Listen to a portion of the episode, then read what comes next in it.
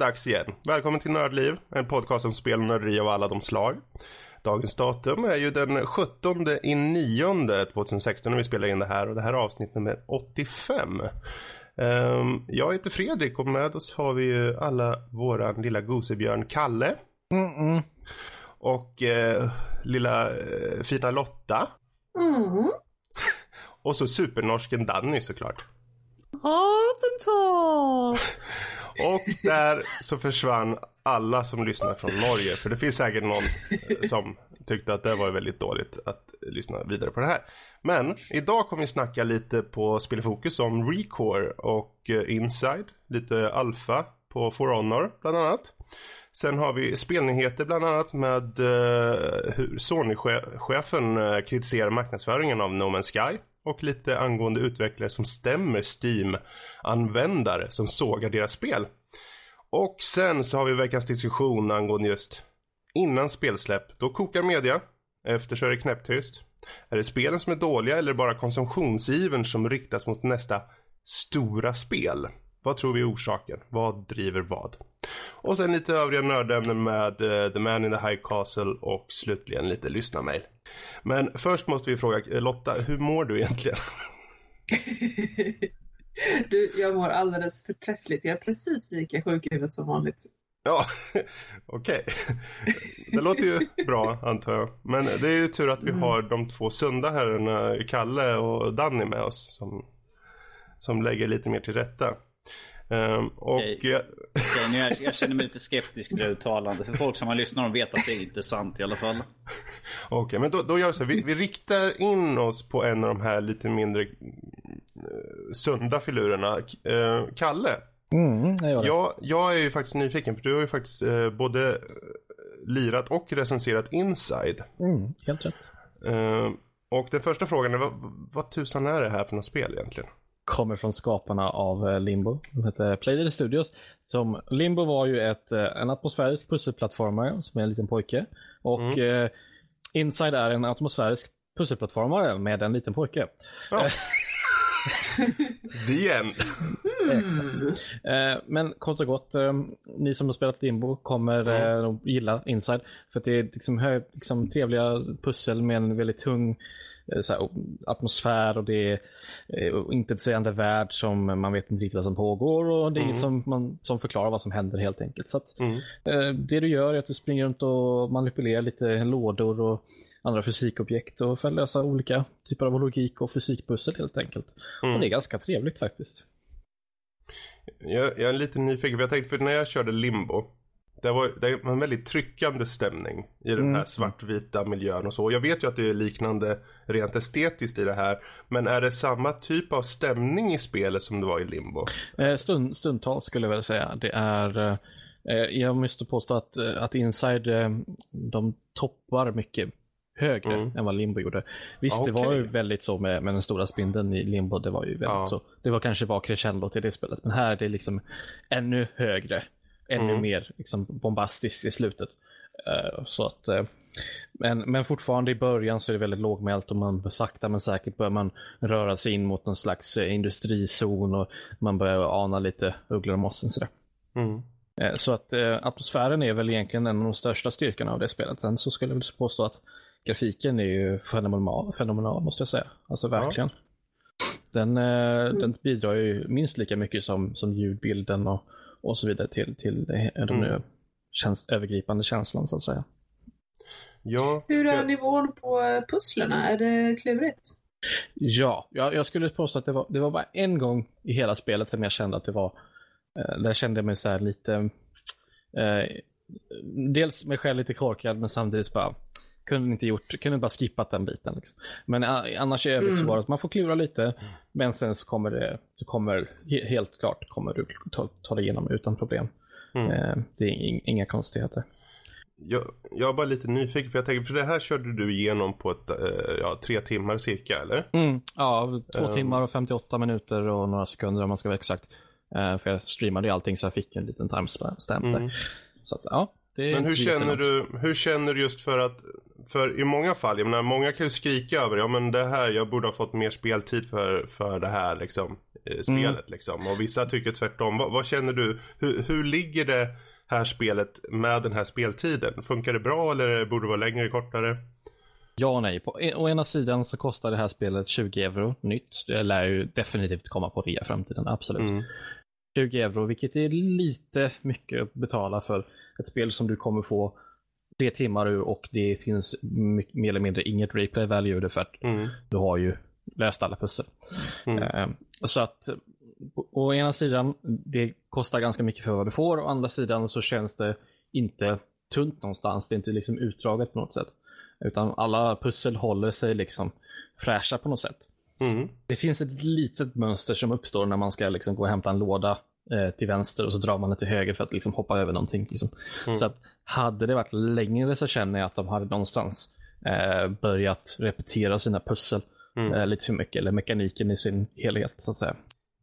Ja, mm. för jag tänker, för jämförelse är ju till exempel med, ja, säg film till exempel. Du kanske går en, en och en halv, två timmar för något för typ ja, 150 spänn eller något. Mm. Men i det här fallet så är det så att liksom, det känns ändå som att du får ut de här 200 spännen. Eller, eh, du var inne på att det, liksom, det kanske känns lite mycket men å andra mm. sidan mm. inte. Eh, ja. För någon som inte liksom har kört något av de här spelen och bara okej okay, jag vill ha den här typen av spel. Är det värt 200 spänn då? Nej, då skulle jag vänta till, eh, mm. till det kommer på rea, för det kommer du göra i framtiden. Mm. Så det, det, är liksom absolut ingen brådska att spela det här spelet. Så att jag skulle personligen vänta tills det kom på en rea. För jag tror inte Limbo var något så dyrt när det släpptes. Det minns jag faktiskt inte. Men, men nej, nej, jag skulle nog väntat mm. lite längre faktiskt. Okay. Tills det kanske kommer på en 10 euro till den stilen. Mm. Kanske 50% mm. rea. Absolut. Ja. Då skulle jag inte tvivla på att rekommendera det. Men när det är så lite, lite dyrare. Visst, om man gör som du och jämför det med en film, då kanske det känns helt plötsligt, då känns det lite, ja, lite mer rimligt kanske. För att en film, då får du en och en halv timme, två timmars underhållning, si och så mycket pengar. Eh, men jag personligen skulle nog vänta i alla fall. Mm.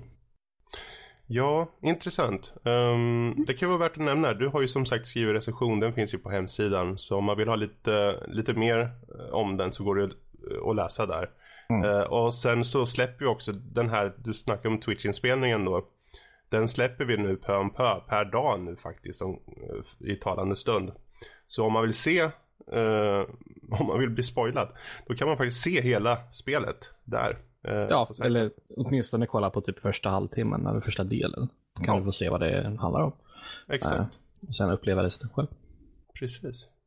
Bra, men vi, vi knyter ihop angående Inside och så tar vi lite, för du, du hade lite, du ville följa upp lite angående CSGO. Ja, jag började klaga mig här om sistens eh, kring CSGO och eh, nu måste man ju lite cred till Valve faktiskt, för nu har de ju gått ut med en lösning, absolut. De har um, kommit ut med en, dels med en beta-bransch, det här skrev jag om i veckan nu.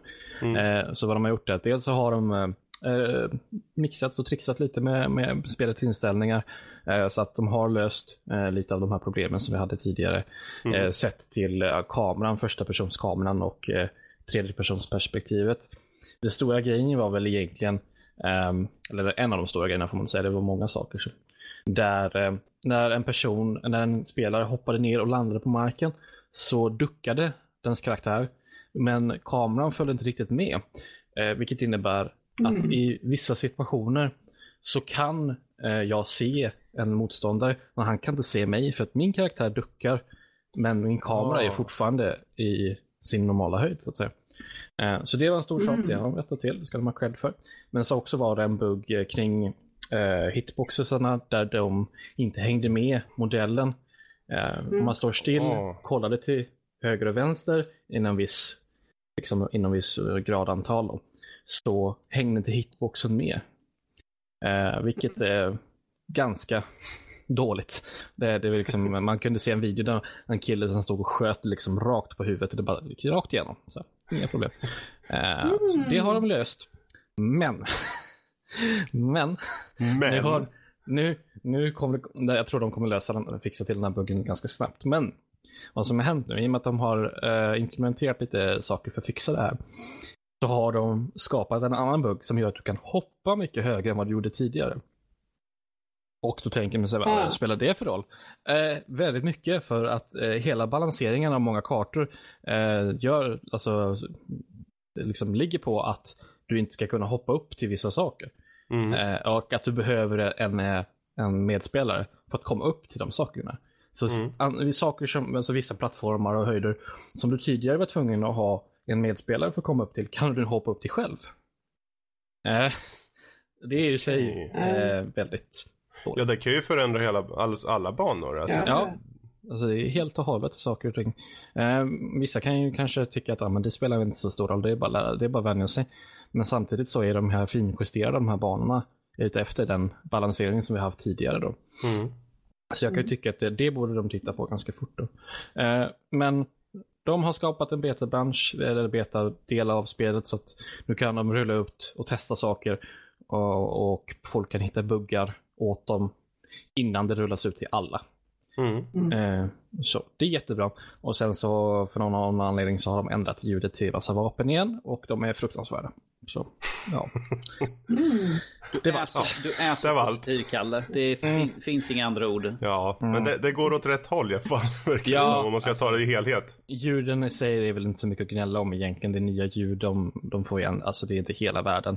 Man kan ju tycka vad man vill om de, om de nya ljuden till vapnen. Men, Mm. men vissa av de här sakerna, att de har den här med nya hoppbuggen, att man kan hoppa väsentligt mycket högre än vad man kunde tidigare. Det måste de Mm. fixa till omgående tycker. Alltså, jag måste säga att det skulle vara väldigt spännande att få se hur de har med fysikmotorn och, och collision detection. För att eh, den, det måste ju vara det att när de har varit inne och fixat collision detection för att hitboxarna skulle följa med eh, så har de varit tvungna att implementera ny fysik. Och att Ja. det är det som... Eh, nu har jag inte det upp. framför mig sådär och det skulle vara svårt att gå in det på eh, så Mm. här på rak arm. Eh, men det har att göra med att spelet eh, eh, på något sätt, när, det har med att när du crouchar så på något sätt Mm. och uncrouchar så får du en liten boost uppåt. Och Ah, okej, man märker ja. det direkt. Man märker det direkt. Jag hoppade bara in i en FFA bara för att testa idag. Det, man Mm. märker det direkt att du behöver inte vara speciellt du behöver inte tajma det speciellt bra för att det ska hoppa mycket högre. Eh, Men däremot ska du liksom nå din maxhöjd så då måste du tajma det väldigt bra. Men bara överlag så behöver du inte tajma det så jättebra. Så att, eh, Ja, intressant. eh, två steg eh, fram, ett steg bak kanske, får vi väl summera det som. Yes. Okej. Ehm, men eh, då har vi lite CSGO klart där. Eh, vi kan väl hoppa vidare helt enkelt och eh, ta lite första intryck kanske på, på For Honor. Um, som du har tagit itu med Danny. Eller eh, ja, alfan av den i alla fall. Yes, eh, jag satt här förut idag med mina kära systersöner och eh, spelade för första gången. Det var ganska kul. Det är ju ett, känns som ett nytt system i alla fall de har implementerat det på själva fightingen. Att, eh, istället för liksom att du bara springer och hugger med yxan åt ett håll så har du tre olika håll du kan välja hugga. Du är liksom antingen hugger från höger, från vänster eller ovanifrån. Och man får ju samtidigt också se vart fienderna kommer. Får man liksom strategiskt Mm. placera så att man parerar åt rätt håll. Annars blir man brutalt slaktad. Vilket eh, för de som kommer titta på eh, de klippen vi spelade in kommer se mig bli det ganska mycket sådär. Eh, jag, kör som jag alltid kör, att jag springer och jag hugger på allt. Parera, det, det var liksom så här. Nej, jag hugger bara. Det, det är lite kul. Så All, alla som all, vill all se- in. Så alla som vill se en norskis bli sönderhackad i småbitar. Yes, precis. Men det var, det, jag tyckte det var, jag är inte så mycket för uh, multiplayer-spel rent, rent allmänt, men det var ganska kul faktiskt. Uh, det finns tre olika faktioner. Det finns samuraj, vikingar och riddare man kunde välja. Jag körde på viking. Hallå, vi är vikingar härifrån ju så. Mm. Rätt stora, biffiga uh, powerhouses som bara går in och ger tar det verkligen kick-ass när man får in och träffar dem. Man ser de andra liksom bara vackla lite grann och sådär. Men det var rätt kul. Och eh, så har de ju, har de ju också ett sån här eh, execution style. Jag, jag var mitt eh, när jag spelade. Eh, den execution som jag körde först, man har två stycken från början, eh, från start. Den ena är typ att man slår omkull fienden så att de ligger på marken. Så tar man och hugger dem i grenen. Oj då. Ah. Ja, och efter att ha gjort det några gånger, jag bara... Jag kan inte titta på mig, jag, jag kan inte göra de här flera gånger. Jag, nödd, jag är nödd att byta. Så, ah, Okej, okay, nu slår de i skallen istället. Okej, okay, det gör inte, det gör inte lika ont att se den där. Man bara... Ah, ah, det gör ont i mig att slå på dem. Mm. Men du är att, alltså helt enkelt inte tillräckligt mycket av en sadist. Uh, nej, inte direkt kanske. Så jag är ledsen att göra folk besvikna. Uh, nej, men att, jag tycker det var väldigt kul. Jag får se ifall jag har tid och sätter mig och testa något av de andra, andra faktionerna faktiskt. Och mm. se, vad, se vad skillnaden är. Jag antar att uh, samurajen är ju lite snabbare. Eh, han är ju mer, lite mer offensiv. Uh, barbar, eller barbaren säger Samura, uh, Samurajen är nog lite snabbare. Vi märkte att fick de, de vi körde emot var, de sprang bara iväg från oss när de hade väldigt lite hälsa och sånt Man bara, vad fan hinner inte fatta, Han är så jävla snabb. Medan äh, riddarna har ju liksom sköld och känns lite mer bastanta. Att de fick man verkligen arbeta hårt för att få in en träff ibland. För de kan ju liksom både parera med sköld och sen har de vapen de kan svinga med. Så. Medan vikingen kändes mer som den här mellangubben. Um, så, men det var riktigt kul faktiskt. Uh, mm. såg, såg riktigt snyggt ut um, och uh, vi hade kul. Um, även, även fast det gick mycket bättre när vi körde mot AI än när vi körde mot riktiga människor. Men det är ju en helt annan femma sådär. Um, vi var ju faktiskt nödda att spela in någon gång när vi vann. Mm. Vilket vi inte gjorde i första klippet. Men men, det, det, är bra första intryck. Yes, det är bra från att komma från mig. Jag vet inte vad det är för dåligt träd jag har liksom är positiv på saker som jag inte tycker om. Nu vet jag inte riktigt. Men på tal om eh, de här executions eh, och, och, så vidare och blodsplatter. Eh, yes. Grafik och ljudbild. Än så länge. Grafiskt väldigt snyggt eh, för att vara en alfa. Eh, det står ju liksom att det här är ju en alfa så att allting mm. kommer inte vara perfekt och sånt där. Men det såg riktigt snyggt ut. Även på min burk så såg det riktigt snyggt ut. Jag körde på High. Det finns Extreme uh, i inställningen. Jag har inte testat den ännu för jag tänkte att eftersom jag ändå skulle spela in att jag ville ha att det flöt på ganska okej. Okay. Uh, ljudbilden var väldigt mm. bra. Nu hade jag sänkt såklart det som vi spelade in som man skulle höra oss men att det är väldigt mastigt ljud. Så det är massivt folk som skriker samtidigt. Musik som jag vanligtvis brukar stänga av nästan jämt och ständigt.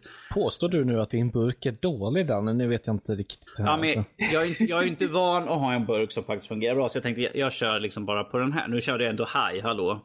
Mm. För, jag hade, för jag testade på, och jag mm. körde tutorial på det och tänkte... Hallå! Det, hallå! Toodaloo, vink vink, wink wink, nudge nudge, your wife, ej. Eh, nej, så jag tänkte att jag ville att det skulle flytta på istället för att testa gränsen på datorn. Men att det flöt på rätt bra. Uh, tycker det är skönt att det faktiskt fanns inställningar man kunde ändra. Man kunde ändra väldigt mycket där inne. Så väldigt mycket bra inställningar. Det är bra. Bara, jag ville bara, bara kolla läget med, med datorn där. Det är ingen fara. Ja, ja. Jo, jo. Den, ser, den Ja, den ser bra ut. det sa han med en trånan, lite trånande jag, jag, jag, jag, jag, jag håller på pannan här. Bli, Nej, alltså, den är frisk Ingen fattar vad som händer. Men saken är den att eh, Danny har fått min gamla datorhårdvara. Han har fått min gamla processor och gamla grafikkort. Så det är därför. Eh, så därför jag bara... Han har mitt, mitt chassi också. ja, jag har den billigaste datorn av allihopa sådär. Ja, ungefär. Men, men, ser, men äh, fortfarande tillbaka till 8 att äh, det ser väldigt bra ut. Jag har ingenting att klaga på. Någonting på varken ljussättning eller på estetiken i spelet. Mm. karaktärerna är väldigt välgjorda och, och så. ljudbilden är också mm. väldigt bra. man hör liksom när man... Alla ljuden känns realistiska när man, man slår på skölden så mm. låter det som att man träffar trä och uh, du springer över marken. Man hör att det är mm. olika underlag och sånt. Uh, karaktä karaktärerna låter som de lider. Man får in en otrevlig träff sen. ja, det är mysigt. Det ska bli kul och det här som sagt en alfa. Yes. Uh, och då är det i alla fall ett halvår kvar ungefär tills release. Släpps i händer. februari. Om jag inte missminner mig helt fel där väl? Det är i de trakterna, definitivt. Yes. Uh, bra. Uh, då så. Men uh, då flyger vi iväg från lite strider där och så hoppar vi ut på en annan planet. För jag tänkte jag skulle snacka lite om uh, Recore. Som vi fick nöjet att recensera här. Ehm, jag vet inte, hur, har ni hört talas om spelet till att börja med? För det... yes. Vänta, vänta, vänta, vänta Fredrik. Fredrik, vad är Reaper för någon typ av spel? Nej. oh, vad va snällt av dig att fråga. Jag vet. Jaha. Nej, alltså. Det här är ju egentligen det är ett tredjepersons actionäventyr. Um, du ska, det är mycket liksom pussel och gåtor och så i miljöerna. Uh, och uh, det utspelar sig på en uh, slags ökenplanet som heter Far Eden. Och uh, du har faktiskt en hjältinna vid namn Jule Adams. Som med sitt fina röda hår spejar ut över de ökenfyllda fina områdena där det huserar mycket robotar. För hela den här världen består egentligen bara av henne och robotar. Sen är det klart, det kan faktiskt dyka upp lite andra människor. Men det, det får ni spela och se. Um, vad det egentligen går ut på i, i mångt och mycket, det, det, det är ganska så basic vad gäller just uh, spelmekaniken. Du som sagt springer runt och hittar som dungeons i den här semi-öppna världen. Jag säger semi-öppna för det, det, det, är en stor karta du har tillgång till. Men det är enorma laddningstider när du ska gå emellan dem. Så det känns inte som att det liksom mm. sitter ihop på det sättet riktigt. Men um, det är ju som sagt eh, robotar som står i fokus här och du har tillgång till eh, egna robotar som är snälla och rara. Du börjar med en liten robothund som heter Mac. Han kan nämligen eh, hitta saker i sanden som kanske gömmer sig. Han kan eh, headbutta liksom fiender. Och eh, spelet i mångt och mycket det är dess core. Vilket är en fin pann där. Men eh, det är just de här eh, sidokaraktärerna som du har med dig. Som du hittar jäms med spelets gång. Du ska variera dig mellan dem. Det finns tre stycken. Du har en eh, som sagt hund då som heter Mac. Du kommer få en slags spindelliknande robot som heter Seth. Och sen en eh, gorillaliknande robot som heter Duncan. Och eh, de alla tre kan lite olika saker då och de kan ta sig an fiender på olika sätt. Och de kan ta sig an pussel och saker i miljöerna på olika sätt. Så du får då eh, välja vilka du ska ta med dig inför vissa uppdrag och eh, hitta rätt i miljöerna. Då. Så där jag, har vi egentligen... Jag har två... Mm. Då, då, har jag bara två frågor på en gång. En angående den här eh, gorillan. Eller mm. gorillaliknande. Ja. Duncan. Yes. Är det det att han dunkar fienderna i huvudet? Faktiskt gör han det. alltså, det, saken var väl nice. den att eh, de ville att han skulle heta Winston men så släpptes Overwatch först. Mm. Så att, ah. det blev ingenting med det. Precis. Ouch. Ja, nej men han, han, och... han, han slår, för det, man kan säga hans äh, grej är egentligen att det finns gömda områden som du inte kan nå. Och då kan det finnas äh, typ väggar och grejer som, som står i vägen. Och då kan han slå sönder de där väggarna. Mm. Så det är lite hans grej då. Vad var mm. din andra fråga? Jo, det var en grej jag tänkte på där alldeles i början. Den här rödhåriga Jewel. Mm. Eh, hon råkar inte vara en dramalama som kan smälta metall när hon skriker va? Nu finns det någon referens här. Eller? Ja, ja, ja, ja jag har fattat det. det gör ju ja, det. Ja, ja. Dramalama? Nej, alltså det här med ja. smälta metall när hon skriker, det, det var mest det. Um, ja. Du får, tänk, ja. du, får, du får suga lite på den där Fredrik så får vi se ja, om jag, jag, som, jag så mycket upp i det här just nu så jag, jag, jag, har, jag har inte... Fredrik, då bryter vi, då bryter vi från det lite um... grann. På tal om cores som du nämnde mm. i din pann där så får du kanske ta förklarat för det är, det är ju ett viktigt moment. Yes. En utav grunderna i spelet. Ja, precis. Du kan ju förklara man kan, säga, man kan säga som så att utöver just de här sidokaraktärerna som är en, en viktig del i, i spelet så är det just då själva cores då i alla, alla robotar i hela världen. För de har de här eh, sfäriska kloten i sig.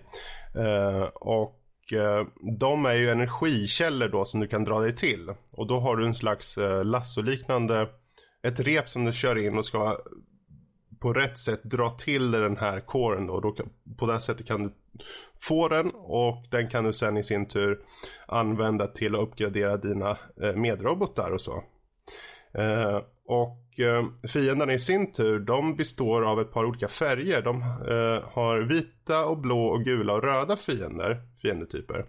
Och eh, det enda vapnet du har är egentligen ett gevär.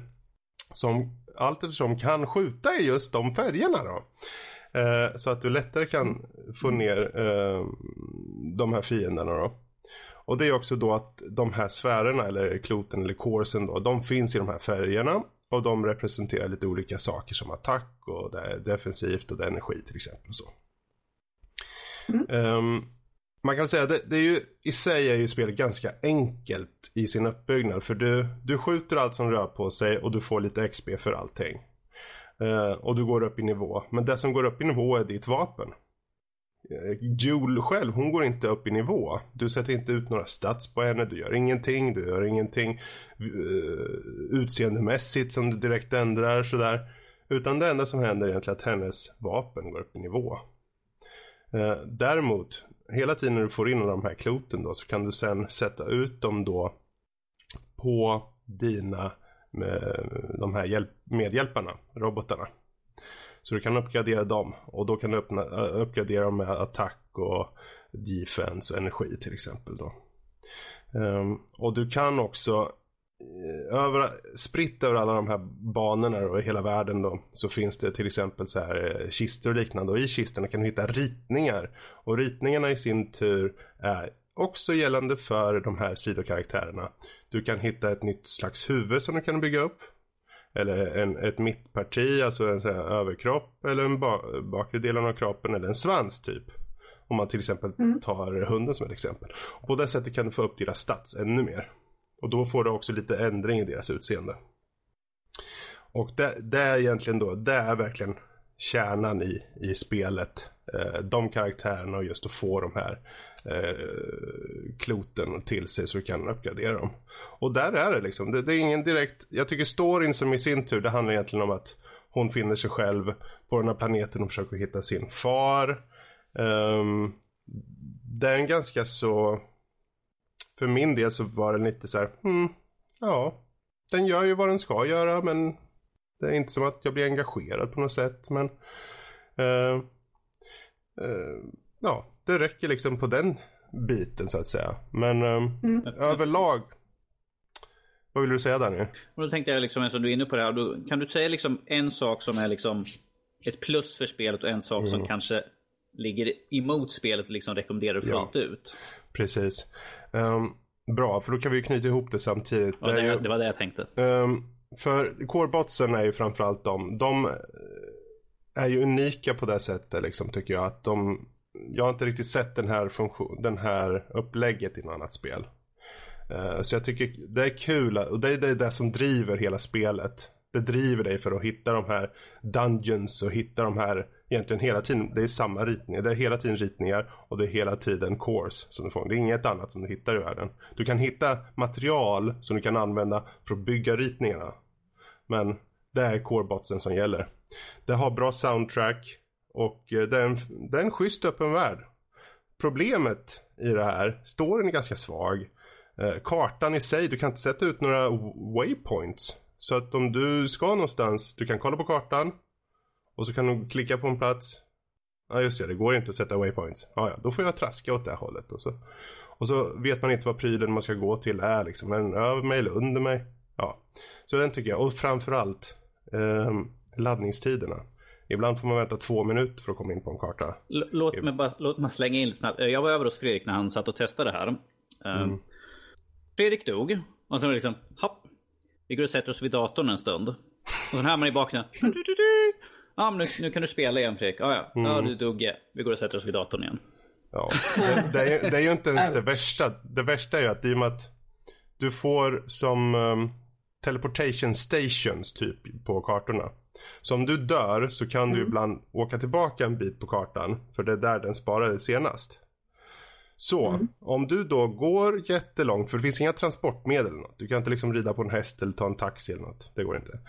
Ehm, utan du får, promenixa, du får promenixa över en stor jävla öken, bli attackerad av massa varelser. Och med nöd och näppe klarar du fram dit du ska och då dör du.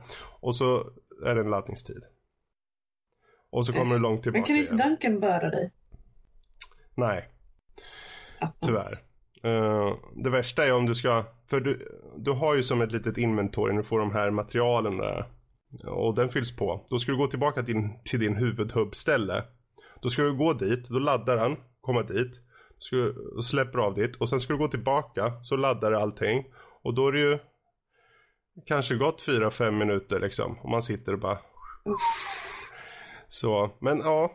Det, det, vem vet, de kanske optimerar upp det där. De kanske kan fixa och dona med så att det går lite snabbare. Jag vet inte. No, no, notera att spelet, har spelet släppts nu? Jag kommer inte ihåg. Det släpptes igår. Det släpptes igår så det kanske, kom, det, det, kanske mm. kommer ut en patch som optimerar laddningssida. Det vet vi inte ännu. Som det här är ju mm. säkert någonting som folk kommer För jag har sett andra recensenter som har skrivit också att det är en av de sämre sakerna. Det tar sån tid emellan. Ja.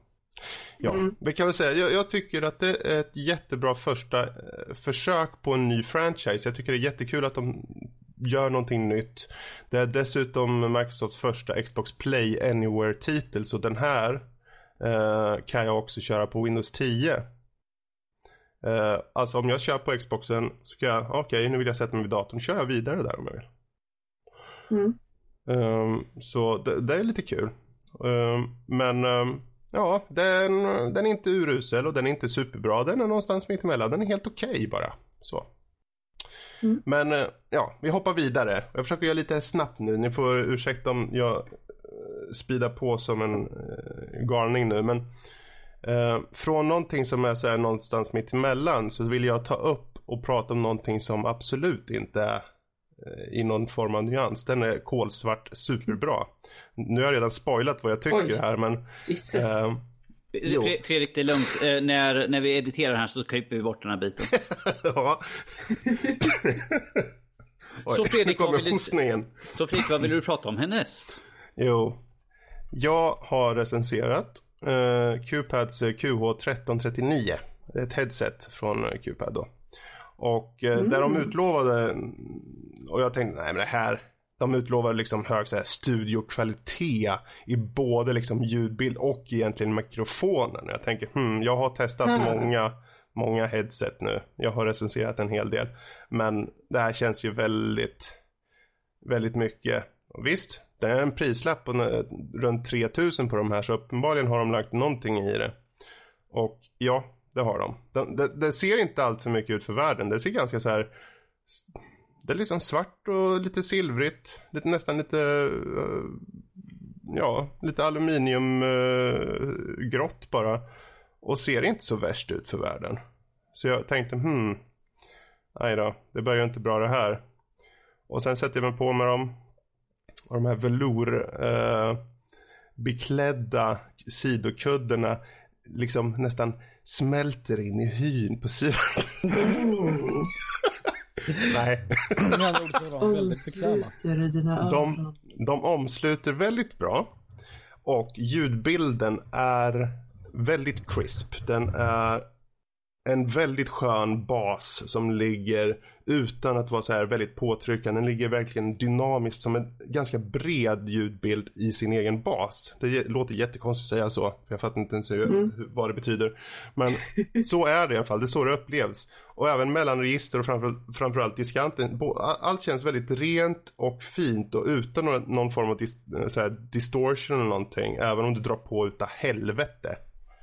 Um, vilket du också kan. För att de har väldigt höga nivåer om man så önskar. Som du kan gå upp i. Mm. Eh, I det här fallet så har de en frekvensomfång på mellan 30 till 18 000 Hertz bara på mikrofonen. Och, eh, mm. och det säger nice. bara hur de har gått in för den biten. Men eh, själva mm. headsetet går upp till 30 000. Uh, med en impedans på 32 mm. ohm per system det, det, det roliga med den här, något som jag eh, tycker mycket om, är just mikrofoner. Hur bra kan man göra gaming headsets mikrofon? Och här har de verkligen gått all in. För den här mikrofonen med rätt eh, hårdvara bör tilläggas. Sitter du med ett halvdassigt internt ljudkort så kommer du inte få lika bra ljudbild som du har ett dedikerat ljudkort, så är det.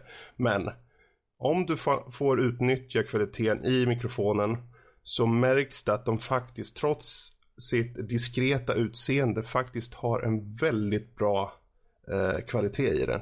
Eh, väldigt rent, en, um, en max eh, SPL, en sound pressure level.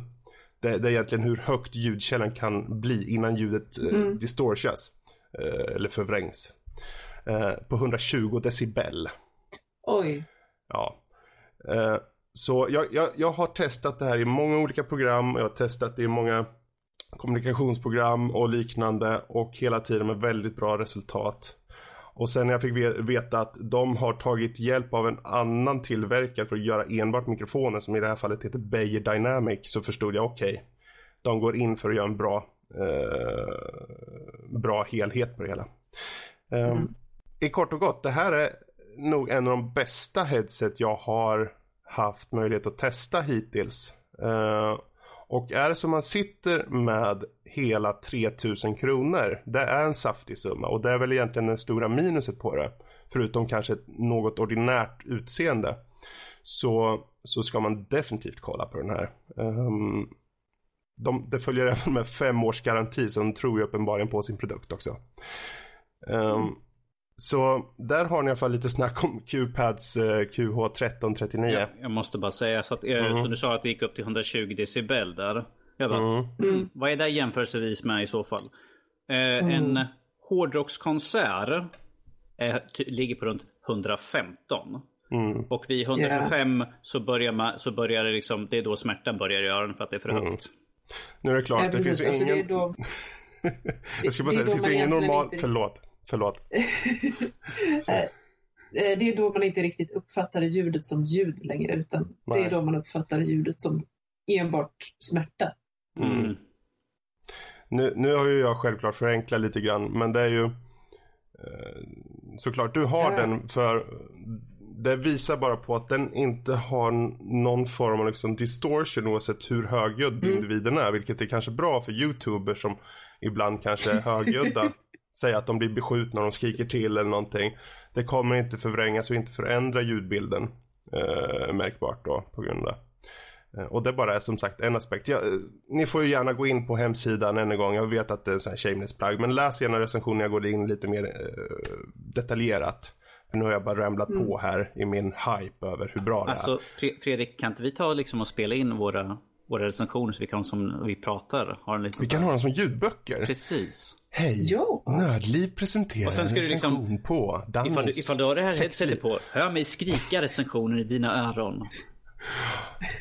oh, Rob mm. presenterar oh, en skrikstudie av, nej, stackars Rob. Um, ja, men han är inte här, han får skylla sig Ja, så är det. Nu ska vi inte dröja något mer här utan vi tar helt enkelt knyter ihop hela den här gaming eller spel i fokus-biten och så hoppar vi vidare till spelnyheterna. Och Danny, du kan ju få ta ordet. Yes, vi kan ju börja med en väldigt löjlig och irriterande nyhet. Eh, anser, det här är min personliga åsikt. Eh, de Adblock Plus. Eh, för er som inte vet vad Adblock Plus det är någonting som blockerar onödiga pop-up eller reklam på till exempel YouTube och sånt där. Och man har den för att slippa det och grejen är den att nu att de ska börja släppa igenom reklam som de tjänar pengar på själv. Mm. Jag vet inte riktigt var någonstans det gick fel. Hela, hela deras system är att folk ska slippa få reklam och nu tar de och släpper igenom reklam. De har redan haft en eh, portion som de vitlistar som de anser är icke-irriterande som kan komma igenom som kan visas för, för tittare. Men att nu ska de ta in reklam som de själva anser, ah, men det här är väl ingen som irriteras över och vi tjänar en liten extra slack. Wink, wink, wink, wink. Vad, mm. vad, tycker ni andra om det här? Är det bra, dåligt? Är det en bra affärsmodell? Alltså, ja, de tjänar väl pengar på det lite grann innan folk hinner göra sig av med skiten. Um, personligen så känner jag bara att de, de anser att all reklam är skit, men en del reklam är lite mindre skit än allt annat. Det, mm, mm, inte okej okay, grabbar. Inte okej. Okay. Det är ju det är en liten udda modell att göra. Vad, vad tycker eh, Kalle, Fredrik? Någon åsikt? Det är lite oschysst kan jag tycka. De har så byggt upp en... man kan ju tycka vad man vill om att blockera annonser och så vidare.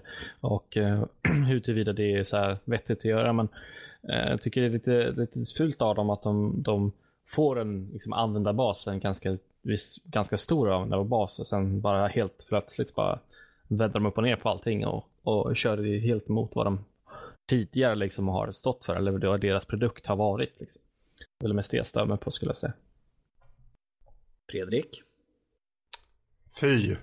Okay. Skäms. Fy. Skäms. Det blir skämshörna för er. Mm. Mm. Hålla på sådär. Men vad fan. Här tycker... Ni har en produkt som gör att folk kan slippa se reklam. Och så ska ni ha reklam. Va?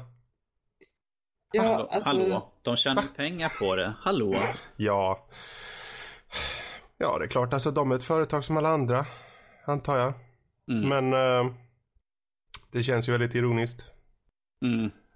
Eh, jag vet inte vad jag ska säga. Jag har ju tack och lov aldrig använt mig av dem. Så Nej, jag, Ja. jag, jag har personligen inte själv eh, någon adblocker som installerad. Det enda jag har liksom är i min, i min eh, webbläsare som jag har gått in och sagt liksom, jag vill inte ha pop-up och sånt. För jag menar ifall jag tittar på YouTube, jag tycker om ifall jag, de jag tittar på, eh, det är reklam, du kan hoppa, du kan liksom skippa de flesta liksom och de får fortfarande intäkter och de kan fortsätta köra. Så jag har ingen problem med sånt. Men att för en som är för att blockera eh, annonser och sånt där så mm, nej. Jag håller med Fredrik. Fy, shame. Shame. det skäms hörnan. Yes. Confess, eller vänta va? Nej, nej, nej. Ja, precis. Confess. You money grabbing bastards. Ja, jag är tillbaka. Jag, jag är tillbaka. Confess. Vi kan väl bara säga så här, allt vi har att säga till dem är fuck you. Sådär. Usch då. Ja, Ja. Men, men, men, men, men. Får tänka på så här. Pengar styr. Yes, och med, med, på tal om pengar så går vi över till eh, den här nyheten om att Mad Cats säljer Cytec till Logitech. Eh, De, eh, Mad Cats köpte in Cytec för 30 miljoner dollar och säljer den nu för bara 13 miljoner dollar. Det känns som att de vill bara bli av med själva märket. De vill inte ha kvar dem helt enkelt. Det känns som en väldigt dålig affär egentligen från deras sida. Så de har ju inte tjänat någonting på det. De har ju gjort fel på många sätt. De har, de har haft simuleringskontroller. Alltså de har haft sådana här kontroller för jordbruks... Alltså eh, farming Ja. sims och så. Det är inget fel i sig men de har inte fokuserat från start på det som de var bra av. Det här verkligen jättefina superflygsimulator-grejerna. Visst, de har någon sån där produkt men de kunde ju haft en så mycket bättre lineup. Um, jag personligen tycker bara att det här är bra. Oh ja. För 100%, om det är ja. några som är bra på tillbehör så är det Logitech. De, de, jag har än så länge, peppar peppar ta i Dannys huvud. Jag har än så länge inte provat någon produkt som varit halvdan från Logitech. Eh, utan i regel så är det bra prylar och jag tror att de kommer nog eh, ta hand om det där och det finns ett stort intresse från Logitech att ta hand om en, ett företag som har funnits sedan 1979. Eh, som är väldigt erkänt för en viss typ av produkter. Så ja, det, jag, jag ser det bara som tur för Logitech faktiskt. Vi Att, kanske, eh, vi kanske får något coolt tillbehör till Farming Simulator 17. Kalle får ju recensera det tycker jag. Ja, Eh, Med en liten hytt man ja. kan sitta i så här, yay! Ja, precis. Inklusive ratt och Alltså eh, då, växelstock. då måste man ju ha en vibe till det också så man kan köra i VR i Farming Simulator 17. mm. och en sån där, vad hette den där som South Park-spelet hade? En sån här smäll och... Smellovision eller något sånt där skit. Vad det var för Ja. någonting. Så det luktar som en åker också, och luktar som en... Svinstilig. Mm, gödsel. Mm, finns Och med jämna mellanrum så eh, kommer karaktären att eh, klia sig på sin stora, håriga, bara mage. Oh ja. Okej, jag tror de skulle gå någon annanstans med det. Eh, förlåt. Fri- Ja, kul, det jag ville säga var det kul för Cytec. Jag har ju själv en av deras produkter, den här X52, den är jättebra. Eh, och jag tror att Logitech, det känns ju seriöst och bra till skillnad från Mad Cats som eh, eh, ja, inte är så. Du kan inte Nej, producera så det, det är liksom grejer. inga överraskningar. Det är inga överraskningar med Logitech. Nej, eh, du det är ju vet faktiskt vad en du får. Mm. Ja, precis. Du, du får det som står på lådan och det står verkligen på lådan allt det du får. Mad, Mad Cats är lite mer den här, åh vad kan vi ha för ny crazy rolig sak på något annat märke. Alltså jag, jag, har ingen, jag har ingenting emot Mad Cats. Jag tycker att de gör väldigt underhåll, underhållande saker. För de kommer med väldigt mycket nytt och sånt där som man bara, ja ah, men det där har jag inte tänkt på. Ja, men det kan vara kul att ha. Eh, men det här känns ju som att de inte har, som Fredrik sa, att de inte har förvaltat uh, Cytec någon vidare bra och tar helt enkelt bara skjuter vidare till någon som faktiskt eh, är större och seriösare inom själva tillbehörssidan. Jag tror att Logitech kommer eh, i långa loppet vinna av det här. För att den, nu ser vi VR komma, liksom ta, komma små, lite smått sådär. Det blir populärt och snart om några generationer kanske blir lite billigare. Och då kanske vi ser en återkomst av Space Sims. Mm. Och då i sin tur får Cytec lite större marknad för att ja, man vill gärna ha en bra styrspak till när man spelar sina Space Sims. Om, mm. om vi någonsin har sett Fredrik köra här Space Sims så vet vi att han behöver ha en kontrollgärd så han vet vad han gör istället för att bara snurra runt som en idiot. Bara, jag kan inte landa! Hur fan, jag har gjort fel håll! Ja, det är en helt annan historia. Mm. Um, men vad bra. Det är lite kul ändå att det händer sånt tycker vi får, jag. Vi får helt enkelt se vad Logitech kommer producera ut från Cytex mm. uh, märken. Hotas 10. Ja, jo. Ja, Super mm. Yes. yes. Vad har vi mer för något roligt? Yes, vi har lite stämningar och sånt på gång eh, och uh, kan inte riktigt säga att jag är förvånad. Ja, precis. Det här är ju ingenting nytt egentligen. Vi har ju den fantastiska indie-studion Digital Homicide. Som mm. är igång igen. Sist var det att de stämde Jim Sterling på 10 miljoner för de tyckte att han liksom att helt enkelt förtal mot deras produkter och ja, mm. så, sågade dem ganska hårt under en väldigt lång tid på så fort de kom ut med ett nytt indiespel. Och sånt där. Det här är spel för typ en dollar så att det är inte mycket att hänga i julgranen där. Och nej, nu kommer vi bli stämda. Shit. Uh, de oh, lyssnar inte på det här ändå. Uh, nej, men att nu tycker de att ja, folk har varit elaka. Vi tycker att vi förtjänar lite pengar. Så därför har de stämt 100 plus användare på Steam för att de har skrivit recensioner där de har sagt att usch, vilket um... dåligt spel det här. Usch, vi tycker inte om det här.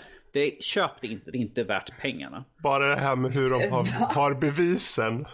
Ja, ja, ja, ja eh, de har ju skickat in eh, till domstolen och sånt där och eftersom de inte vet vad användaren heter i verkligheten så står det liksom Jane Doe slash John Doe och sen står deras eh, Steam-namn. Så ifall, ifall jag skulle vara med i ställning så skulle det John Doe slash Jane Doe Varillion skulle det stå i så fall. Alltså de vill skicka skärmdumpar alltså? Yes, de har Från Steam? Ja, ja de här. Ja, det, där. det är hysteriskt där. Oh. Domaren, och, domaren, någon var elak mot mig på internet.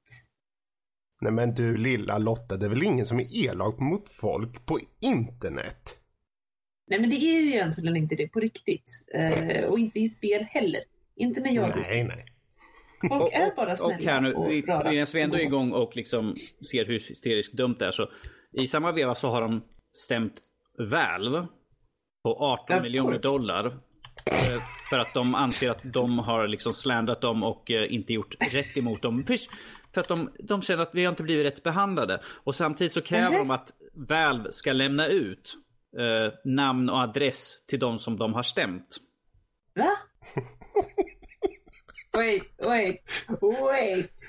Hold okay. on. Okej, okay, okej. Okay, Hold on. Hur, hur mycket har de snortat?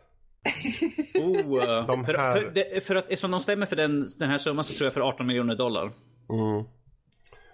Alltså, okej okay, grabbar. Vänta, va?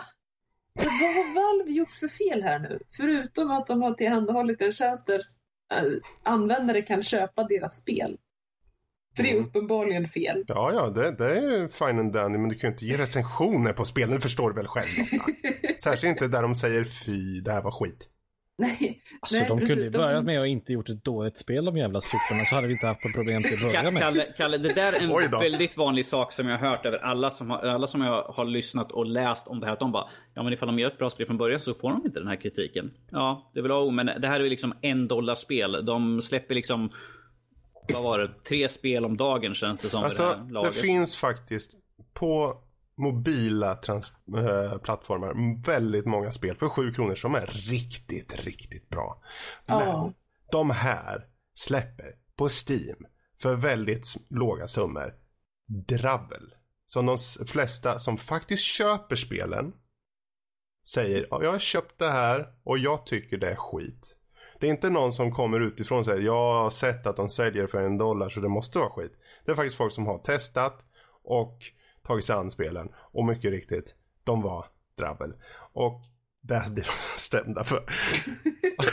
nu, nu, tänker jag vad som här. De här är ju en amerikansk studio och i USA så är det freedom of speech ganska hårt de kör på. Så att ifall folk säger sin mening där, är ju liksom, det har de ja. i lagens Ja, om vi säger så, vad, vad gäller just rättegång och så, det finns ju ingen chans i helvete att de kommer komma någon vart. Och, måste... och uh, Valve kommer inte lämna ut namnen på dem. Det är liksom deras, spe, deras uh, ja. spelarbas helt enkelt. De som tjänar, de tjänar pengar på. Så och väl vet vi, de har pengar och de kan liksom, ifall det skulle vara att de går upp i rätten, de kan ju dra ut det i flera år. Ja. Och sen, sen när de vinner så kommer de kräva att uh, Digital Homicide står för rättegångskostnaderna. Ja. Sen hör vi aldrig mer från dem. Då måste de göra ett spel i sekunden för att förtjäna de pengarna. Framförallt. Och det är ju en sak jag tänker på då. De här utvecklarna har kommit till Steam och fått sitt spel släppt via Steam och jag antar att det inte varit som att de kommer med en korg eh, hoppandes genom en skog. La la la la la, hej kan ni ta mitt spel? Och Valve öppnar upp armen, äh, famnen och säger ja vi tar den, ni behöver inte skriva på någonting. Det är klart de har skrivit på saker, det finns klausuler, det finns saker som de måste ha, ha medgivit eh, liksom och så vidare och så vidare. Så de har ju ingen ja. bäring. De har ingen bäring alls. Men det de gör med den här hela cirkusen är att de skapar ju mm. snack om det. Eh, de, de, skapar buzz. Eh, problemet, menar... är, problemet är att de får ingen positiv feedback där. Folk skrattar ju bara åt dem och ja. ännu mindre vill ha med någonting med dem att göra. Ja. Precis. Ja, ja vi ska väl inte dröja för länge på det här men... Nej. Um... De idioter kan vi bara nöja oss och säga liksom. Ja. Det låter fånigt. ja. Knasbollar. Usch. ja. Yes. Vi går vidare till nästa nyhet som eh, allas favorit, No Man's Sky. Eh, återigen här nu. Eh, det var Sony-chefen Shuei Yoshida som uttalade sig lite grann eh, till Eurogamer om hans åsikter på hela rabaldret. Och han sa att han uppskattade att spela spelet och tyckte det var rätt kul. Men att han kunde förstå varför folk hade kritik emot spelet. Men han sa ju att de är ju faktiskt bara indieutvecklare. Och eh, de hade ingen PR-personal som var med och hjälpte till. Eh, när, de, när Sean Murray gjorde intervjuer och sånt där. Så att det är inte vårat fel. Det är han och mm. de som har gjort fel. Det här har jag ett fundamentalt problem med för att Sony hypade upp spelet så inne på mig på E3. De har liksom gjort massvis med reklam för spelet. De är eh, utgivare av spelet vilket innebär liksom att de tar och promotar spelet, de gör reklam för spelet. De bokar in liksom mm. att Sean Murray är och pratar för det. eftersom de är ett indie, indieföretag, hade de varit själva, han hade aldrig varit på alla de här intervjuerna med alla de här stora sajterna och sånt. Nej, han hade ju aldrig fått vara någonstans i närheten mm. av det. För det är, hur ofta ser vi en indieutvecklare sitta med sto, på sådana stora talkshows och sånt där och prata om sitt spel? Det gör vi inte. Nej. Så Sony har ju varit inblandade. De har haft ett finger i spelet. Och sen liksom de bara... Oj, hoppsan. Nej, alltså. Pff, han har inte haft någon De har bokat in honom. De står liksom för PR rent, rent av på det hela. Men de bara, nej men alltså vi tar ju bara och ger ut spelet. Men att vi har ingenting. Det är skitsnack. Det är, sånt här stör jag mig så förbannat mycket på alltså. Någon annan mm. säger någonting jag börjar svära faktiskt. Ja, nej, det, jag tycker det är så tråkigt på det sättet att um, uppenbarligen så har de ju trott på produkten. Sony. Mm. Med tanke på att de har då haft det på E3 till exempel och det var det under, jag vet inte om det varit på två E3 eller kanske fler.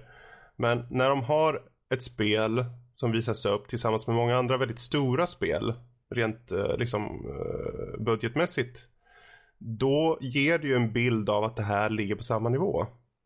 Och mm. även om eh, Sean Murray går ut och snackar och så och om han mot förmodan gör det på egen hand, det vet jag inte liksom och så. Men de måste ju ändå ha förstått de, de, det är väl ingen på Sony som inte tittar på tv när han sitter på eh, Stephen Colbert och snackar och visar upp spelet. Så... Nej, men förstår, de har uh, skrivit ett kontrakt att de får inte titta på tv någon mm. dag under året. Uh, det står skrivet i alla anställdas ja. kontrakt. Just för att de ska missa sådana här grejer. Plus att det här stämmer också att Eftersom spelet har varit under utveckling så lång tid och eh, han hade ju tydligen spelat spelet innan det släpptes och så, så han visste exakt vad som fanns och inte mm. fanns i spelet. Och ändå liksom är de liksom att det här kommer bli jättebra, vi promotar skiten ur det, liksom, vi, vi står bakom honom till 100% så liksom oj hoppsan. Backlash, mm. folk säger att de här sakerna inte finns. Åh oh, nej, hur kunde vi förneka det här nu? Uh, Men det, det kanske är just det där som är nyckeln i varför det är som det är. Mm. Uh, och då tänker jag att för dem, de har gått all in Sony. Mm. Och när man går all in då vill man inte liksom mitt under processen säga men du vi kanske inte tror på det här utan har de gått all in då går de fan all in. Och när det väl, om det skulle åka i väggen det är då först de kan göra uh, statements. Och så tror jag i så fall det är i det här fallet. Um, de men i har... sådana fall ja. I, I sådana fall skulle de ju under, under de senare stadierna av utvecklingen så skulle de ju försöka hjälpa till med stöd. Och mm. nu om det var så fruktansvärt mycket problem med att de inte hade någon PR när de var med, och någon PR-agent och hjälpte dem med intervjuerna. Ja, men det finns nog ett par grabbar som är anställda av Sony som kan det där ganska fint. Mm. Så att varför inte skicka in lite sånt? Varför inte guida dem? Varför inte hjälpa till med mer än att bara kasta pengar på reklam och utgivning? Jag, jag menar, jag skulle önska att vi kunde i alla de intervjuer han har, ifall han liksom, han bara jag skulle önska att när han fick en fråga att han skulle liksom titta bort till höger sida, liksom, ifall någon kunde stå där och liksom ge tummen upp så du kan prata om det. Ja. Eller lång pekpinne liksom, nej, säg ingenting mm. det. Ja, ja. precis. Ja. Plus, plus, att och... Eh, just nu, Hello Game har, eh, eller Sean Murray har inte, det har inte kommit knyst på dem på, vad är det? Fyra, fem veckor nu? Eller något sånt där. Sen spelet släpptes. Mm. Det är ingenting som hörs någonting. Så förhoppningsvis Nej, inte från han. Det är bara patcharna som man märker av. Liksom. Ja, förhoppningsvis arbetar de hårt. Men det var det senaste de skrev. Att liksom, vi jobbar hårt liksom på att få det att funka och liksom sen börja jobba med eh, de saker som vi faktiskt har lovat att vara med i spelet. Så förhoppningsvis så har de inte tid att skriva. Mm. Mm. Jag menar, om Sony bara hade sagt vi förstår varför vissa användare har en del kritik. Eh, men vi vet att de jobbar på det, eller, men vi tycker ändå mm. att spelet har bra sidor. Ja, yeah, visst, fine. Då har de fortfarande liksom tillkännagivit att ja, det, det kanske inte riktigt levde upp till den stora hypen som vi hjälpte till att bygga upp. Men vi står fortfarande vid spelet och vi tycker att det var värt att bygga upp en hype. Men nej, nej, utan vi slänger dem helt under bussen istället. Det låter som en bra idé. Mm. Ursäkta, jag är bara lite gnällig på dem. Ja, ja det, det, jag vet inte vad mer man kan säga. Det, det, det är tråkigt. Så. Ja. Yes, vi avslutar. Gå vidare innan vi, vi tjurar ihop hela högen. Det, det, var den sista nyheten vi hade för den här bra. veckan. Bra, bra. Men Alltid bra att sluta på en positiv not. ja, men, men, vi får se vart vi kommer härnäst. För nu kommer vi till veckans diskussion.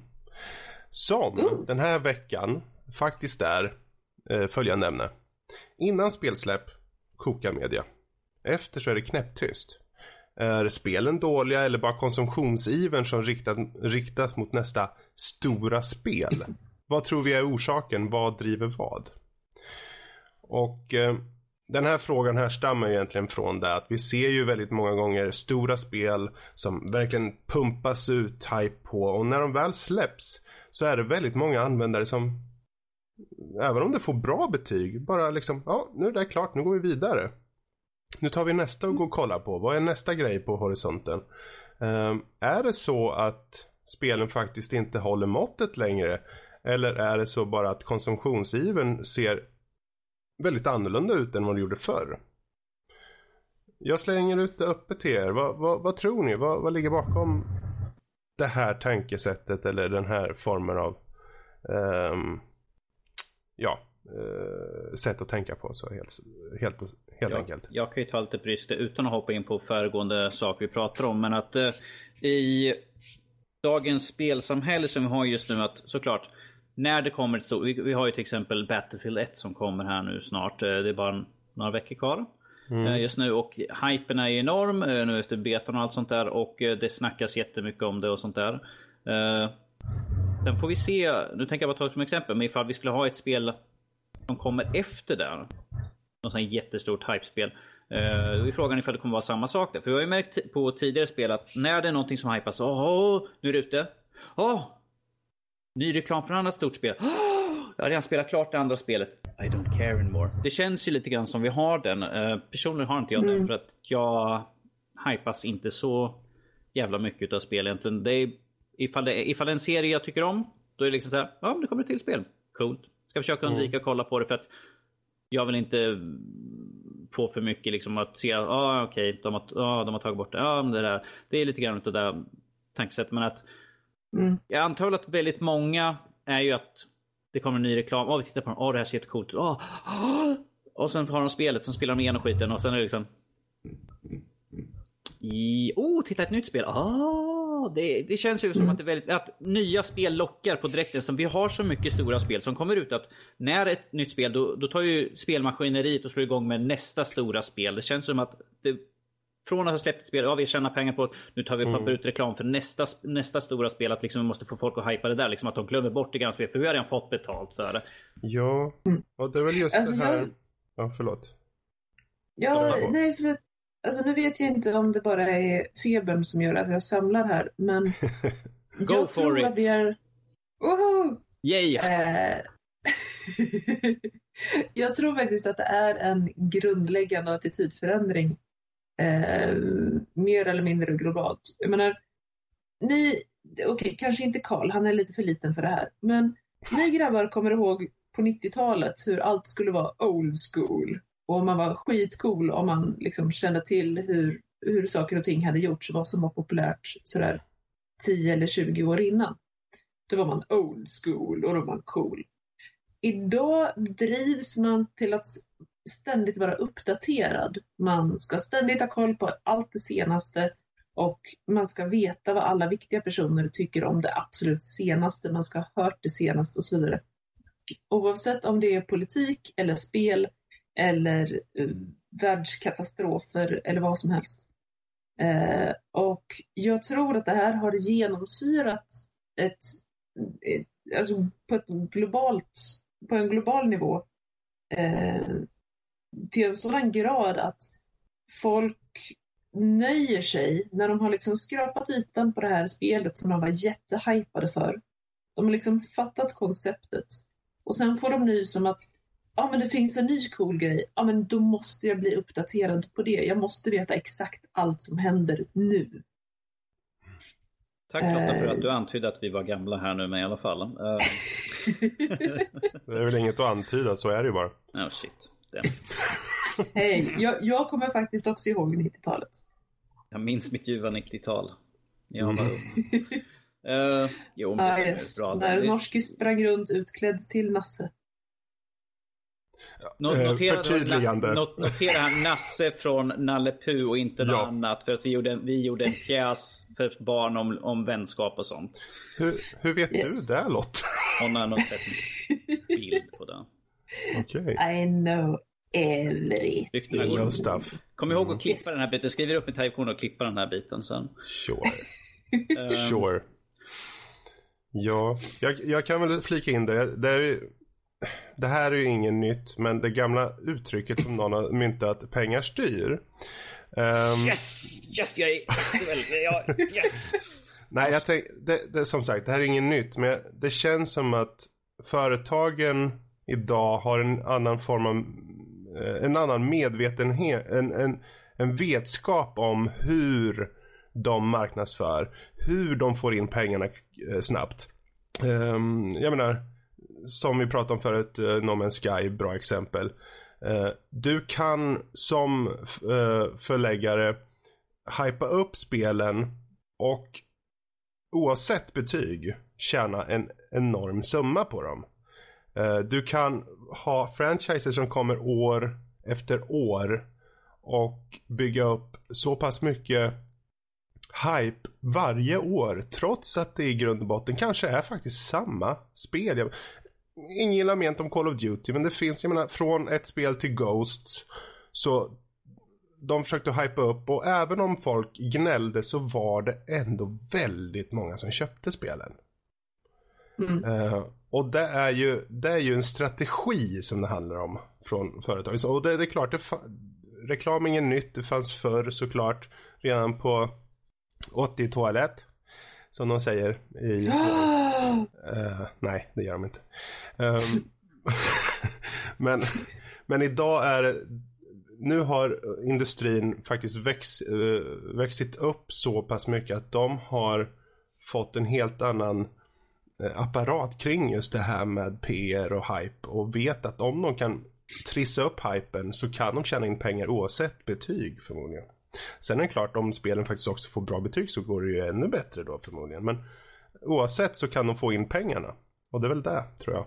Som, ja, eh, och det, och det är som sagt, de ser liksom att vi, det är ju värt att lägga ut pengar på ett stort spel liksom så att hypen blir jättestor. sen när spelet är släppt, behöver inte ha någon mer reklam. Det kanske mm. är någon, någonstans ibland. Ni kommer väl ihåg att det här spelet finns fortfarande. Köp det. Mm. Det finns. Vi har rea här och här just nu. Men det är ju som sagt, det blir ju tyst då på direkten efteråt. För att då är ju folk, all, alla folk som köper spelet är upptagna med att spela spelet. Mm. Och ifall vi tar exempel som Batman eh, som mm.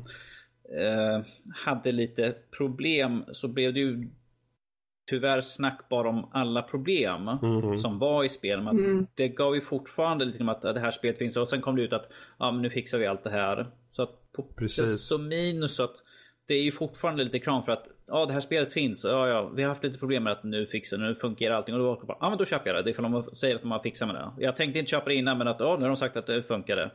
Mm. Uh, och där har vi det liksom. Det är ju väldigt stor hype innan, sen är det tyst efteråt, sen är det lite backlash för att ja, det funkar som vi ser tar vi No Man's här igen. Att, men när de väl kommer ut med sakerna då kommer det då kommer det vara snack, liksom, ah, de har, då kommer det snacket upp igen. Att ah, titta de här grejerna finns. Ah, köp det, var med oss och lek. Pengar styr. Två gånger i samma del. Mm. Ja, usch då. Mm. Vad säger, vad jag vill vara nyfiken på vad Kalle säger. Ja. Kalle, Kalle som våran yngsta person här som kanske jag känner faller mer in för det här hype train och allt sånt där. Fast han känns ju en utan att jag säger ja, du känns ju som den person som inte är så men jag är ändå nyfiken på vad du tycker förstås. Kalle, CSGO 4.0 kommer. Är hypen stor nu? Nej, inte direkt alltså. Nej, nej, usch, usch. Alltså det var ett, ett tag, en period, en period som jag hoppade på hype trainens stup i kvatten. Eh, men eh, även om jag är eh, bara 20 år gammal så känner man sig lite utbränd på den saken. Uh, att man lite för ofta hoppar på hypen och så visar det sig inte riktigt vad man förväntar sig. Uh, och så, så småningom så har man lärt sig att uh, ha lite tålamod och bara titta vad som händer i efterhand då, helt mm. enkelt. vad, vad folk faktiskt säger på riktigt. Vad folk säger på riktigt, på, vad opartiska människor säger eh, när spelet släpps. För så bråttom har jag inte spelat det senaste. Eh, nu för tiden ska jag vara så eh, deppig så, så nu för tiden så är det bättre att bara vänta lite grann för det är ofta som att spelen är lite halvtrasiga när de släpps i alla fall så det är bara bättre att vänta lite till. Mm. Så att, eh, mm. Mm. Fredrik, känner du att vi har mm. löst det här nu? Fick vi något svar på det här? Eller pratar vi bara runt omkring allting som vanligt? Ja, det är ju ett svårt ämne uh, i sig. Um, för uh, vi är ju inga eh, penisar som vet kanske just hur strategier och sånt funkar. Men vi ser ju ändå effekten av det. Um, jag, ja. Jag, jag, tror det, det är som jag har sagt egentligen. Det, det, uh, saker och ting hypas upp med flit från uh, PR-bolag. Och så länge förläggarna tjänar in pengarna så tror jag faktiskt precis som No Man's Sky återigen.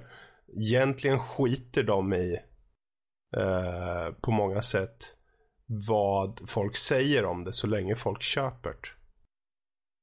Mm. För, om, för om du köper Call of Duty 47 eh, Now in Space with Camels eh, för att du har fått det sagt till dig om det här är ju det alla kör och det här kommer bli det här årets bästa spel alla kategorier. Ja, då kanske du tror det. Även om du har kameler i rymden. Så, så... Mobbar du kameler i rymden nu alltså? Man kan inte mobba en kamel i rymden för en kamel i rymden är awesome. Ja, jag menar det. Mm -hmm. Sen om han springer runt med en eh, halv så här, semiautomatisk vapen eller något och skjuter folk. Det, det, vet jag väl inte om det låter som en bra idé. Men det här låter som en helt annan ämne nu plötsligt. Men ja. Eh, konsumtionsiven är stor. Och eh, om det kommer förändras med tiden, det återstår att allt, se. Allt vi kan ju säga är liksom att så fort det kommer något nytt, större, intressantare än vad det är man har exakt just nu. Det, det, det är liksom då hoppar vi över på det istället. Än det vi faktiskt har i hand. Mm. Precis. Var nöjd med allt som livet ger och allting som du... Nej. Ja, vi, vi, vi, vi tar och rundar av de här uh, flygande kamelerna i in space. Och går vidare till något uh, som också är ganska ore, uh, Orelevant, är det där du tänkte säga? Overkligt. Overkligt okay. på sätt och vis. Fiktion på övriga nördämnen. Och eh, Karl, du har ju haft möjligheten att ta en liten titt på serien The Man in the High Castle. Kan du berätta vad är det för något? Det är en Amazon Prime-serie, det vill säga att det är de själva som har producerat den och betalat för hela kalaset, vilket i sin tur innebär att den finns inte tillgänglig i Sverige. Det i sin tur är lite tråkigt. Men serien i sig eh, är en alternativt, eh, alternativ historia får man väl säga, där axelmakterna de, de vann andra världskriget. Eh, nazisterna kom och släppte en eh, atombomb på vad var, det, var det Los Angeles? Jag tror det var Los Angeles. Och sen så delades de USA delades upp i två stycken. Delade eh, japanerna till väst i sina Pacific States och, och Greater Reich eh, i öst med en neutral zon i mitten. Och det är premissen egentligen. Så, så mm. träffar vi första avsnittet så etableras allt det här. Så träffar vi på två huvudkaraktärer som de är lite nyfikna. Det finns givetvis motståndsrörelse. Och då har vi en kille som, ehm, som vill få kontakt med motståndsrörelsen. Han får första uppdrag då. Han ska leverera en lastbil med kaffebryggare eh, till en plats. Eh, Okay. Eh, en plats i den här neutrala zonen. Då. Medan vi ser en, och han, han bor ju då i, eh, i det tyska, den tyska delen, eller den nazistiska delen får man väl säga. Och, med, och på västra sidan, eh, i den japanska delen, så har vi en, en, en, en kvinna som, eh, som eh, vars syster var involverad i, i den här motståndsrörelsen. Men hennes syster blir mördad och så blir hon indragen i den här. Och hon blir skickad också till samma stad i i eh, den här neutrala zonen. Och det är egentligen vår premiss och sen så liksom löper vi vidare efter det. Mm. Eh, väldigt bra producerad, väldigt, eh, alltså effekter ska man inte direkt säga, det är inte som att den är supermycket, men, men de har ju väldigt, de har ju verkligen liksom lagt krut på att det ska kännas eh, 60-tal, jag, misstänk, jag vet inte om det är bestämt 60-tal, men det känns lite så. Bestämt 60-tal och det ska se ut som att eh, nazisterna vann med, med eller axelmakterna vann med att det är så här, eh, att det är eh, svastikor överallt och att de alla, ja, det finns ingen, ingen symbolik som vi minns från det riktiga 60-talet liksom, och sådana saker. Mm. Eh, så på så sätt så ska man ju definitivt applådera så att säga. Eh, jag har ju sett de första fem avsnitten då eh, av den här serien från första säsongen då. Eh, och det finns bara en säsong än så länge. De håller på att jobba på en andra men det kommer snart. Och eh, jag måste säga att jag är å ena sidan ganska nöjd när det kommer till eh, skurkarna. Våra egna huvudkaraktärer kan se lite, kännas lite platta ibland ska du säga. Speciellt killen då. Eh, Joe, John, Joe. Han heter Joe, så är det. Så, så, så blatt är han att jag inte kommer ihåg vad han heter. Han heter Joe. Um, och så, så att skådespelet kan, från dem kan vara lite från våra huvudkaraktärer kan vara lite mm, sådär. Men alla mm. karaktärer vid sidan om, liksom, alla supporting, speciellt alla skurkar och antagonister från båda sidorna då, från um, japanerna och från nazisternas sida, de är väldigt starka måste jag säga. Mm. Och det är, de följer den här lite klassiska eh, nazistmaneren, att de är väldigt hårda, de är så här, straffar sina eh, kollegor och allt sånt där. Eller sina liksom, nazister också när de gör fel och alla sånt där. Så precis allt det klassiska man brukar se i sådana här typer av filmer. Då. Det är fram eller pekpinnen, pekpinnen på dräkten sen. Ja, ungefär så. Jag är bara nyfiken. The Man in the High Castle, är det något de förklarar varför den heter så? Eller vad? Eh, ja, det förklaras. Kan man gå in på det ens? Eller? Eh, jag vet inte om jag vill säga det. Nej. Men det, nej, det skulle Men där, där kommer de gå in på, man får en förklaring ja, till det. Det, det, det förklarar ja. de ganska tidigt vem det är. Eh, men jag vill inte gå in på det för då, det är en mm. väldigt stor del av den här mm. eh, hela mm. serien. Så att då vill jag inte, det vill jag inte säga. Ja. ja, det finns de dels, det, om jag får en sista grej som jag vill ta upp. Dels ja. så har vi ju konflikten i våra huvudkaraktärer. Han, eh, tjejen då, kvinnan, hon heter, eh, eh heter Julian, heter hon? Julie, ja något sånt. Eh, hon har smeknamn. Hon, hon, det är det att hon tar sitt systers namn som heter Trudy. Jag kommer inte ihåg hennes riktiga namn. Men i alla fall. Eh, deras konflikter har vi ju, alltså när de, hon försöker ju få kontakt med motståndsrörelsen och leverera ett paket sådär, eh, som, som hon har fått då från sin syster eh, innan hon dog och så vidare. Samtidigt som Joe försöker ta sig till staden och han blir stoppad av eh, polis och så vidare. Sådana saker. Men samtidigt så har vi massa intrig, politiska intriger mellan nazisterna och japanerna. För att saken är den att Hitler, han är på väg att trilla och dö. Han är, han är gammal nu, han är riktigt skröplig liksom. Så att han är på väg att dö. Och dör han så kommer, eh, jag tror det är Goebbels och Himmler som är kvar. Då kommer de slåss mm. över makten och sen i sin tur så är japanerna rädda för att då, ska, då kommer de släppa ännu en ny atombomb på, på Japan igen istället. Eller på Pacific States då, eh, Japan. Så då, då, har de politiska intrigerna samtidigt också. Det mm. tycker jag är väldigt intressant. Så det är inte, det är inte bara att du följer våra två huvudkaraktärer. Mm. Nej, för det tänkte jag fråga hur mycket samhällskommentarer och eh, popreferenser har de med? Hur, hur mycket har de vågat ta med? Det är inte eh, Wolfenstein The New Order nivå på det hela där de tar gamla låtar och gör dem i nazistmanér utan det, det är snarare att um, det, de visar ju bara uh, hur brutala de här fascistiska regeringarna är och de visar liksom hur de uh, helt kallt liksom, kallhjärtat uh, uh, misshandlar folk för information och de, alltså, sådana mm. saker. Så att, och sen hur de nazisterna de, de tvekar inte att misshandla sina egna för att få, ut, få fram information eller så sätt. Eller när de misslyckas och sådana saker. Så det är, det är inte så mycket som att man ser att nazisterna landar på mågen och slänger fram en svastika liksom som man gjorde i, i Wolfenstein utan det är inte riktigt på den nivån så att säga. Mm. Jag, an, jag, antar att det är intressant skrivet som det, det, är baserat på en novell utav mm. Eh, Philip K. Dick. Oh ja. Oh ja. Som för er som inte vet gjorde ju Blade Runner, Total Recall, Minority Report och dem så att han är ju väldigt udda. Mm.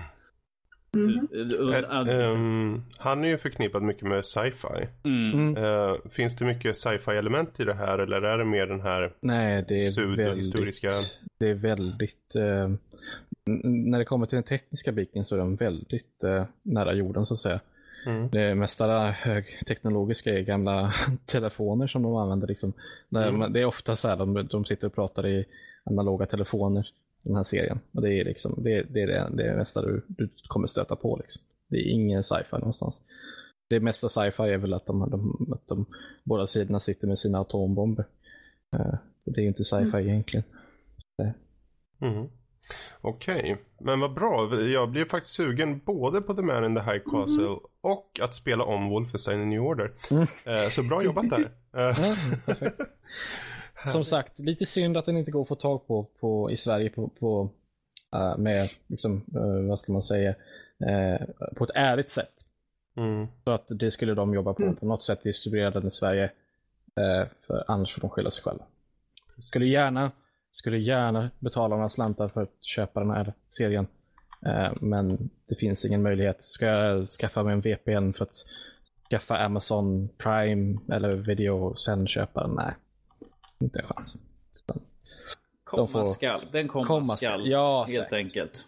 Jag menar, ifall, vi vet ju att ifall en serie blir riktigt populär så kommer vi snart se den ändå. Så. Ja, de eh, mm. kommer säkert titta på. Eller så kan de ta hit de... Amazon Video till Sverige, varför inte?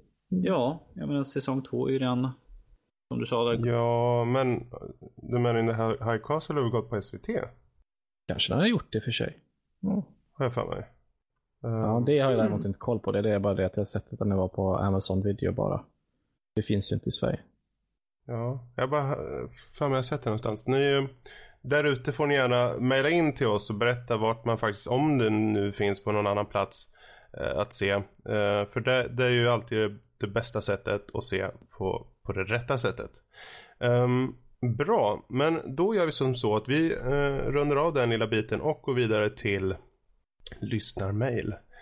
Och eh, ja, vi har fått in två mail och det är egentligen inga frågor den här gången så jag bara går igenom mailen här då. Eh, det får bli två mail.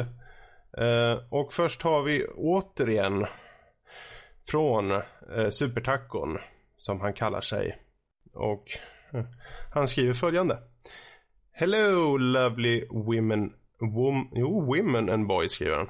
Uh, hörde er snacka om, hej, hörde er snacka om en jävla massa roliga saker i senaste avsnittet. Det var riktigt bra. Jag har redan glott in Enderal. Det var den här uh, modden till uh, Skyrim va? Var ja. Svar ja. Uh, ser ap bra ut, skitbra tips. Uh, så även med det där ljudkortet. Jag har precis funderat på just det på grund av min lillebror vill börja lira på större LAN och ha med sig sin bärbara burk. Jag vet, vem fan har en bärbar speldator? Men det har han i alla fall. Och ett sånt ljudkort blir nog perfa. Men det var främst om tillbehören jag ville snacka av mig lite om. Eh, alltså på datorn finns eh, val. Men stackarna på konsol, visst.